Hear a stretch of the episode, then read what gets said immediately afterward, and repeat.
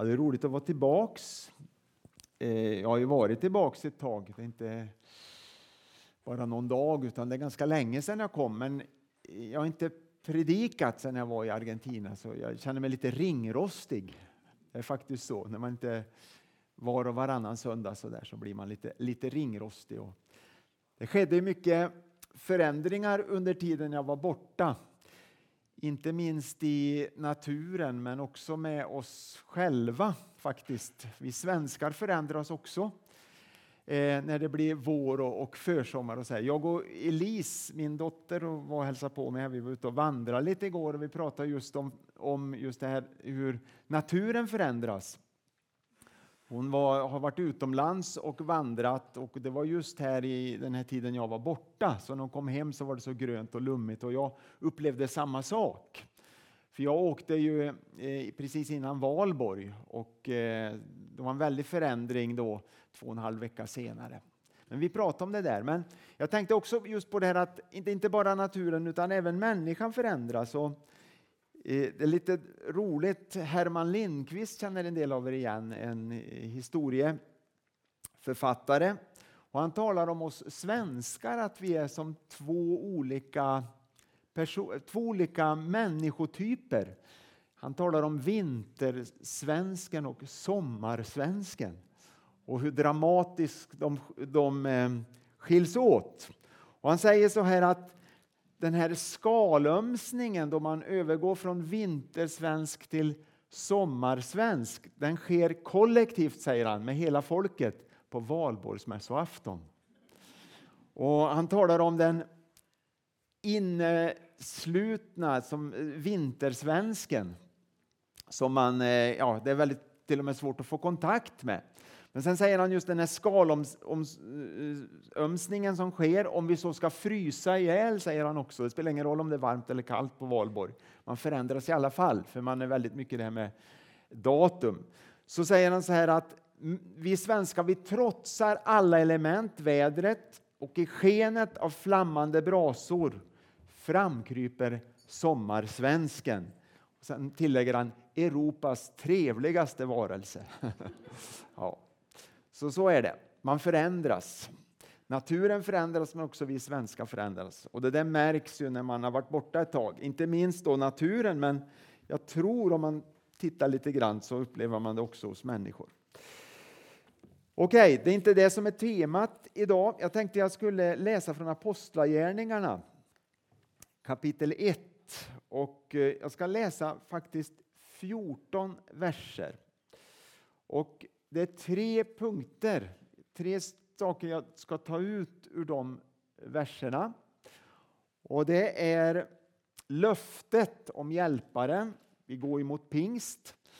Att det är ett löfte här om att den heliga Ande ska komma. Det kommer jag stanna lite vid. Jag kommer också att tala lite om Jesu himmelfärd, Kristi himmelfärd. Det är ju den helgen, det firades i torsdags egentligen. Och så det här att vänta för det framkommer också i de här verserna att vänta på Gud. Det är alltså tre punkter jag ska stanna vid. Lite kort bara vid varje. Eh, vi ska ju fira Herrens måltid sen också. Och då läser vi från Apostlagärningarna, första kapitlet 1 till 14. I min första bok, ärade Teofilos, det låter som en filmjölk av något slag, men det är det inte skrev jag om allt som Jesus gjorde och lärde fram till den dag då han togs upp till himlen sedan han genom helig ande hade gett sina befallningar åt dem som han utvalt till apostlar. Han framträdde för dem efter att ha lidit döden och gav dem många bevis på att han levde. Då han under 40 dagar visade sig för dem och talade om Guds rike. Och under en måltid tillsammans med dem sa han åt dem att inte lämna Jerusalem utan vänta på det som Fadern hade utlovat. Det som ni har hört mig tala om, sa han. Johannes döpte med vatten, men ni skall bli döpta med helig ande om bara några dagar. Det som hade samlats frågade honom, Herre, är tiden nu inne då du skall återupprätta Israel som kungarike? Han svarade, det är inte er sak att veta vilka tider och stunder Fadern i sin makt har fastställt. Men ni skall få kraft när den heliga Ande kommer över er Och ni skall vittna om mig i Jerusalem och hela Judeen och Samarien och ända till jordens yttersta gräns. När han hade sagt detta såg de hur han lyftes upp i höjden och ett moln tog honom ur deras åsyn. Medan de såg mot himlen dit han steg upp stod plötsligt två män i vita kläder bredvid dem. Galileer, sa de, varför står ni och ser mot himlen? Denne Jesus som har blivit upptagen från er till himlen skall komma tillbaka, just så som ni har sett honom fara upp till himlen. Då återvände de till Jerusalem från det berg som kallas Olivgårdsberget och som ligger bara en sabbatsväg från staden. Och när de kom dit gick de upp till det rum i övervåningen där de höll till. Petrus, Johannes, Jakob och Andreas, Filippos och Thomas, Bartolomaios och Matteus, Jakob, Alfaios son och Simon Seloten och Judas, Jakobs son. Alla dessa höll ihop under ständig bön tillsammans med några kvinnor, Maria, Jesu mor och hans bröder. Amen. Herren välsigna ordet på våra hjärtan den här stunden. Och tack att det får tala till oss. Och tack att du får visa oss vad du vill säga, Herre. I Jesu namn. Amen. Ja. Det första jag vill stanna inför det är löftet om hjälparen. Och det är ett fantastiskt löfte. Vi kan läsa om det genom hela Bibeln faktiskt. Profeterna hade talat om hjälparen som skulle komma, den heliga Ande, hundratals gånger, mass, hundratals år innan och hundratals gånger. Hela Gamla testamentet är genomsyrat av vad som ska komma. Att Messias ska komma och att hjälparen, den heliga Ande, ska komma också. Det går liksom in i varann. Hela Gamla testamentet talar om det. Och nu talade Jesus om att det skulle ske några dagar. Eh, han, han talade om några dagar innan, om några dagar ska ni bli uppfyllda av den heliga Ande. Så nu börjar det verkligen närma sig. Det som lärjungarna visste sedan Gamla testamentets tid, långt tillbaks i historien, det var verkligen på gång. Och Jesus preciserar några dagar, säger han. Om några dagar. Jag undrar vad de, om de verkligen trodde på det. Det gjorde de nog egentligen. För de var ju samlade och väntade. Men samtidigt så måste de ju ha funderat, liksom, vad, vad innebär detta? Kommer det verkligen att, att ske? Det var säkert en brottningskamp, även om det inte framkommer så tydligt. För de väntade och höll ut, står det. Och Jesus hade ju undervisat eh, sina lärjungar om hjälparen som skulle komma istället för honom, för de behövde hjälp. De klarade sig inte vara Jesu lärjungar utan den heliga Ande. Han talar om att hjälparen var sanningens ande som skulle komma. Och Han skulle påminna om allt som Jesus hade sagt. Det är fantastiskt, det är ett uppgift hjälparen har, den heliga Ande. Påminna oss, även dig och mig som lever idag, så är Andens uppgift att påminna oss om vad Jesus har sagt. Det är inga nya saker Anden kommer med. Och Han vill inte vara i centrum själv heller utan han vill att Jesus ska vara i centrum och han vill påminna oss om vad Jesus har sagt. Och så ska den heliga Ande förhärliga Jesus. När den heliga Ande verkar då blir Jesus stor. Så känner man igen den heliga Ande. När människor blir i centrum eller känslor eller rörelser eller upplevelser blir för mycket i centrum. Det, det, tycker inte den heliga Ande om. Den heliga Ande vill att Jesus ska vara i centrum. Och då gör han saker, fantastiska saker. Men Jesus ska ha äran. Det är det den heliga Ande vill. Och så vill han utrusta oss med kraft. Det är jätteviktigt. Den heliga Ande utrustar dig och mig med kraft. Det var lite kort om hans uppgifter. Det finns ju många löften som sagt i Gamla testamentet. Det är fullt av löften och när man, när man läser i, i, i Gamla testamentet så ser man att det framkommer mycket om vad som ska ske i framtiden. Och det handlar naturligtvis om det judiska folket väldigt mycket men det handlar också om dig och mig. Och jag tänker på till exempel Jesaja 32.15 så står det så här, och det är ju 700 år innan här, så det är väldigt långt tillbaks. Och så står det så här, jag kommer in i, i, i sammanhanget här, här, från 15 versen. Tills ande från ovan utgjuts över oss. Det är alltså väldigt lång tid, 700 år ungefär innan det skedde. Då ska öknen bli en trädgård och trädgårdar räknas som skog. Så talade han om rättfärdigheten. Rätten ska bo i öknen, rättfärdighet i trädgården. Rättfärdighetens verk är fred och välstånd, dess fruktbeständig ro och trygghet och så vidare. Det handlar om en helt ny situation. När den heliga Ande kommer, kommer han att förvandla människors hjärtan och människors liv. Så vi blir fyllda med hans kärlek och hans kraft. Och Jeremia talas det om, som också är många hundra år innan, före Kristus. I 31 eh, kapitlet så står det så här i Jeremia, från, i 15 versen. Det ska komma en tid, säger Herren, då jag ska sluta ett nytt förbund med Israel och Juda. Och så står det längre fram i 33 versen. Jag ska lägga min lag i deras bröst och skriva den i deras hjärtan. Jag ska vara deras Gud och det ska vara mitt folk. Vi ska få Guds lag skrivna i våra hjärtan. Det är en levande lag. Ett levande ord, det är den heliga Ande som tar sin boning i människans hjärtan. Det blir ett hjärta av kött, eh, ett hjärta av ande och ande som ska förvandla oss och förändra våra sinnelag. Det talar Bibeln om. Och sen står det Joel. Det här är ju bara några exempel. Joels bok.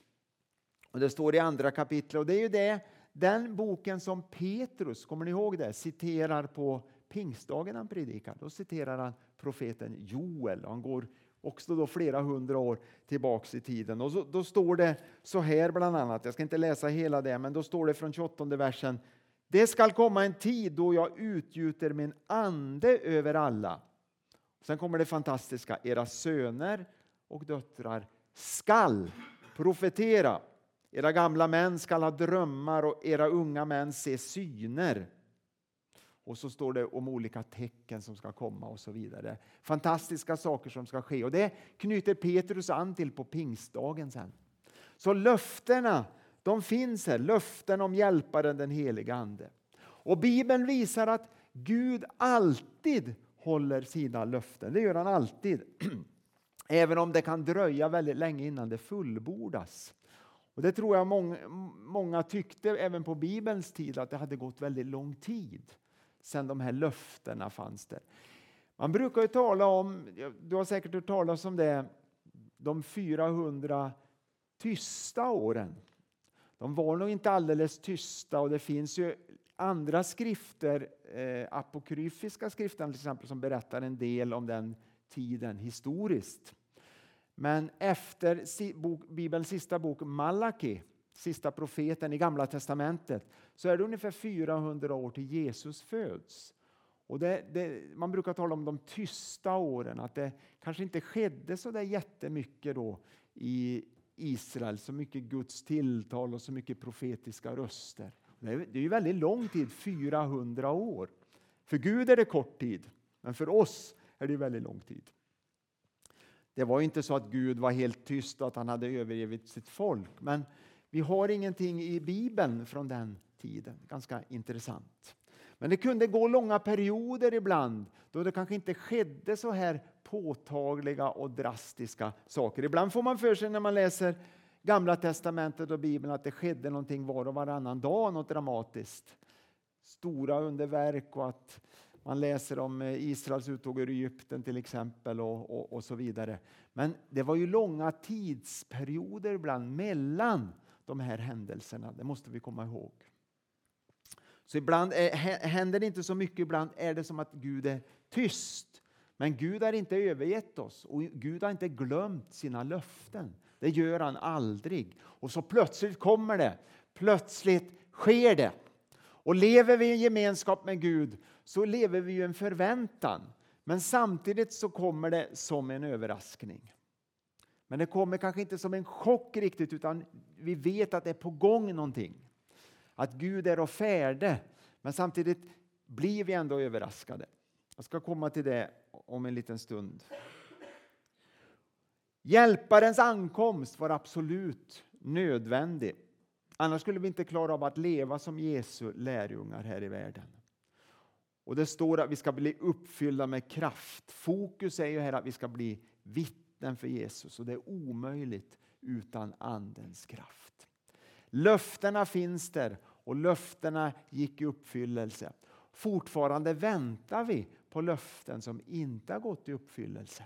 Men vi får se fram emot att Gud kommer att uppfylla de löftena. Det var det första.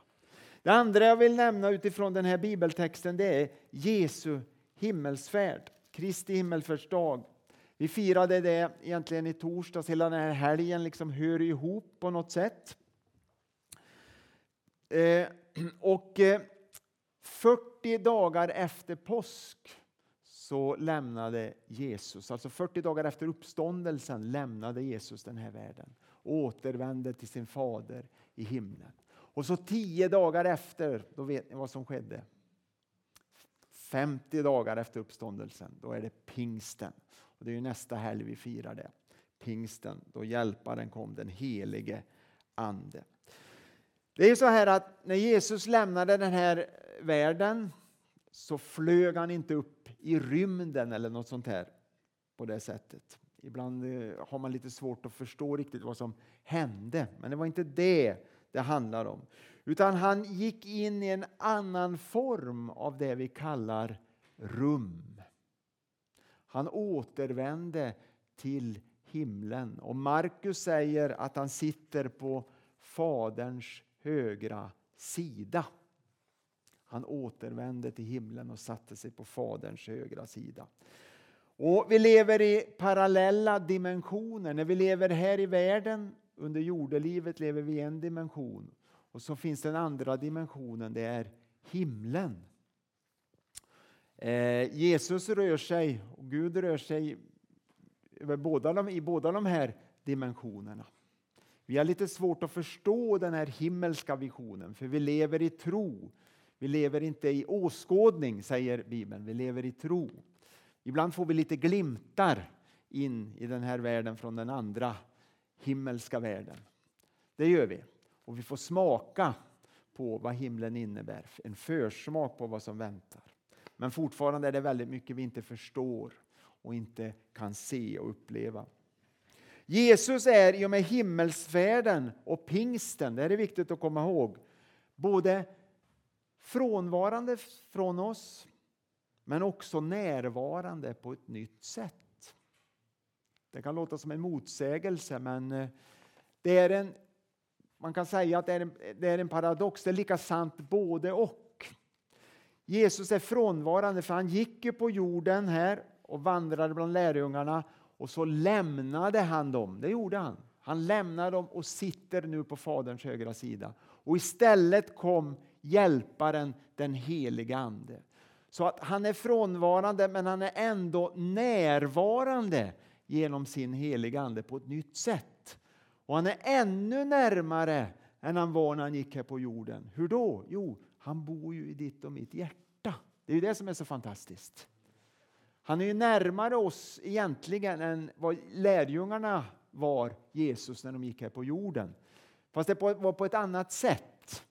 Vi tänker ju så, tänk om vi kunde få se Jesus och tänk om vi kunde få se Gud och, och vara med om det lärjungarna var med om. Men vi lever i en ny tid och Jesus är egentligen ännu mer närvarande på grund av sin heliga Ande. Det där behöver vi lära oss förstå och få insikt i. Tänk vad fantastiskt att han bor i ditt och mitt hjärta genom sin helige Ande. Han är Herre, talar Bibeln om, och han regerar från himlen. Samtidigt finns han tillgänglig överallt på grund av himmelsfärden. På grund av att han lämnade den här jorden och satte sig på Faderns högra sida och så sände han hjälparen. Därför är han närvarande på ett nytt sätt efter himmelsfärden. Han styr från himlen, för det står ju där att vi ska se uppåt och Herren är där uppe.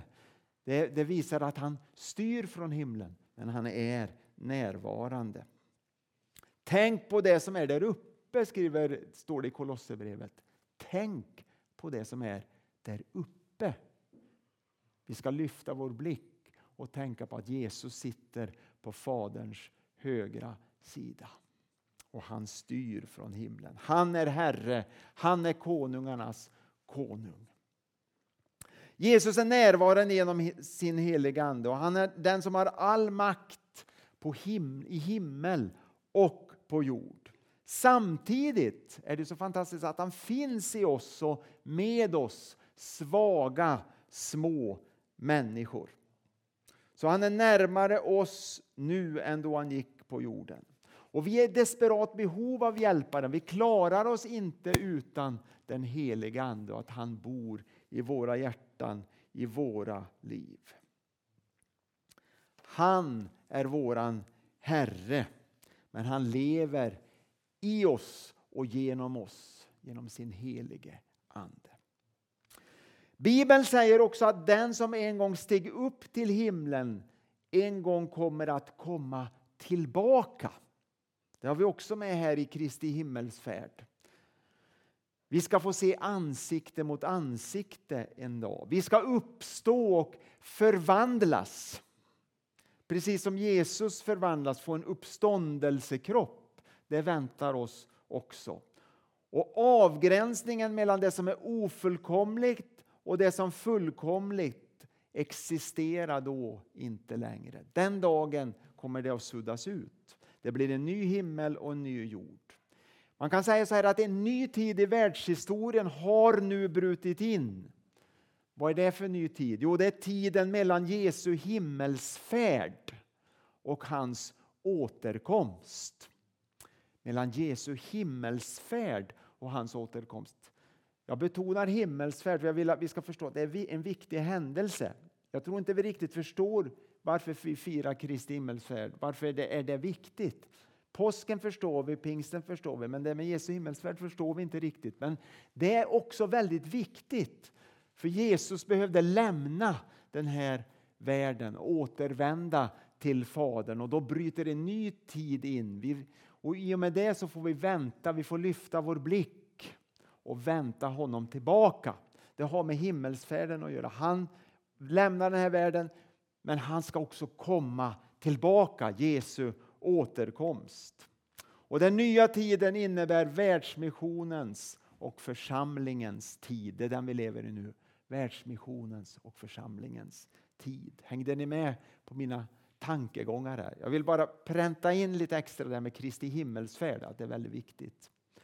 Och det hör ihop med påsken och pingsten, det här, de här händelserna. Vi kan inte utesluta det ena eller det andra. Till sist, väntan och bönesvar. Mika profeten skriver i sjunde kapitlet, sjunde versen att jag väntar på Gud. Jag väntar på Gud. Att vänta på Gud, det är någonting som återkommer också i Bibeln.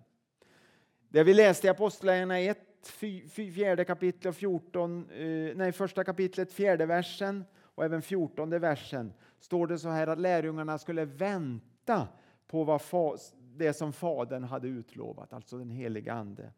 Och alla dessa höll ständigt ihop under bön. De väntade i bön på att den heliga Ande skulle falla. Och Det var ingen jättelång period, det var egentligen tio dagar det handlade om. Att de skulle hålla ut och sen föll den helige Ande. Mycket i vandringen det handlar om att vänta på Gud. Det har du säkert upplevt att allt sker inte på en gång utan det är mycket väntan. Det kan vara ett bönesvar, det kan vara ett under som du har bett om. Men det handlar mycket om att vänta och hålla ut. Vi har alla löften men många väntar på sin uppfyllelse. Många har skett, uppfyllts, men vi väntar fortfarande också på många. Och det ligger en välsignelse i att vänta. Jakob skriver i sitt brev om tvivlen och att vara, han använder ordet tvehågsen. Och den som tvivlar, säger han, kan inte vänta något från Gud för att man, man har svårt med uthålligheten. Man är som en, en våg i havet, man kastas hit och dit av, av de olika vindarna. Men tron ger oss en vila i Gud. Det handlar om att förtrösta på Gud. Att, att ha sitt hjärta i, i, i, att låta sitt hjärta vila i Gud och vila i hans löften. Att hålla fast vid att det Gud har lovat, det Gud, det Gud har sagt, det kommer han att göra. Det kommer att ske. Tvivlen som är känslomässiga vill få oss att ge upp. Och alla brottas vi med tvivel, både du och jag.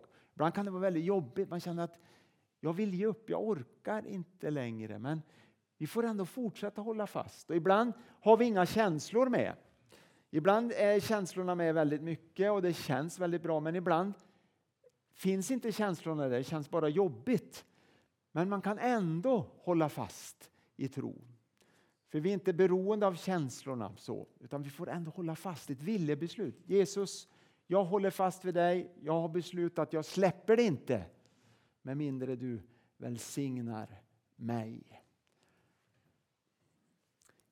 Och till sist, det kan handla om, om bön också. Att vi, vi får hålla ut i bönen, och, men Guds löften infrias alltid. Men en viktig påminnelse att efter alla löften i Gamla testamentet om Messias och då tänkte människorna att nu har det gått väldigt lång tid och varför, varför händer inget? Men så föddes han till den här världen. Han kom till den här världen. Hela Gamla testamentets tid var löften, men sen kom han. Men det var några tusen år att vänta. Men sen kom han. Bönesvaret kom. Det var lång tid. När man tittar i Nya testamentet, ibland kan det gå väldigt fort. Långfredagen det var en väldigt mörk dag, hopplös dag. Och även lärjungarna hade förlorat hoppet. Men påskdagen kom.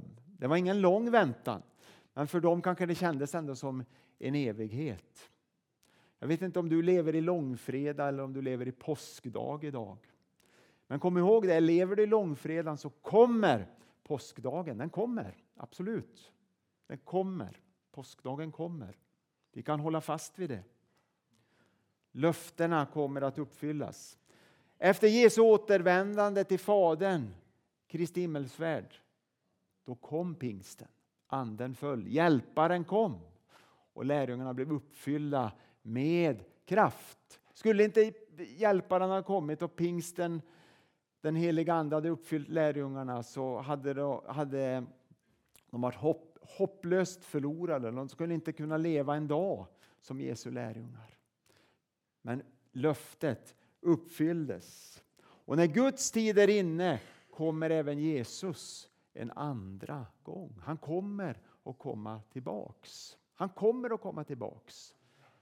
Han kommer att komma tillbaks. Han kommer att upprätta allt en dag. Vi lever i en väldigt orolig tid och ibland känns det väldigt svårt och man får ångestkänslor om man tänker på det här med krig och oro och det här med pandemin var ju också väldigt jobbigt och nu är det, nu är det det här med kriget som kommer allt, allt närmare känns det som. Men Jesus ska komma tillbaka. Han kommer att upprätta allt. Rättfärdigheten kommer att segra.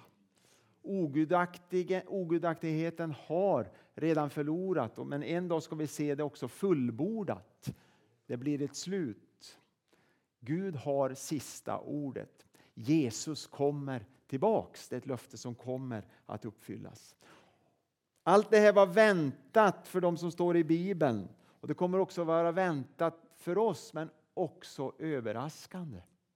Också överraskande. Vi väntar, vi tror på det här och vi lever för det. Men det kommer ändå komma som en fantastisk överraskning. Vi talar om positivt sätt. Vi, kommer, vi, vi kan inte förstå och ana än vad som kommer att hända och vad som kommer att ske i framtiden när Jesus kommer tillbaks. Hur stort det är. Vi, vi förstår det inte med våra sinnen.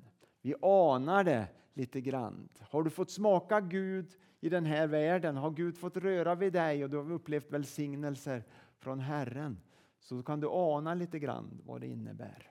Men det är långt ifrån vad du helt och fullt kan förstå. Det väntar en fantastisk dag, den stora dagen, finaldagen. Det får vi se fram emot. Amen. Tack Jesus för ditt ord, Herre. Tack för alla löften som finns. Tack för alla löften som ditt ord ger oss. Vi prisar och lovar dig för det, Herre. Tack att vi får hålla fast vid löftena, Herre.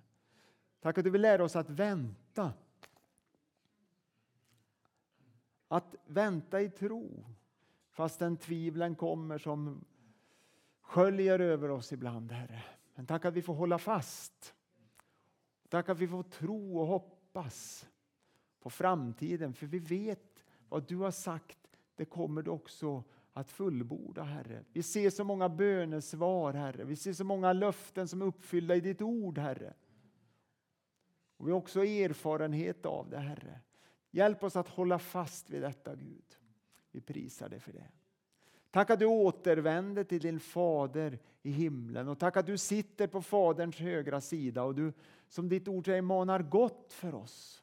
Tack för hjälparen, den heliga Ande som du sände. Tack att, tack att den heliga Ande får uppfylla våra hjärtan och våra sinnen, Herre. Tack att du vill förnya oss i din heliga Ande och tack att du vill uppfylla oss med ny kraft och ny glädje och nytt hopp och ny inspiration för framtiden. Vi tackar dig för det Jesus. Tack att du hör våra böner. Tack att du välsignar oss och du välsignar också nattvardsstunden nu. Vi tackar dig för det. I Jesu namn. Amen.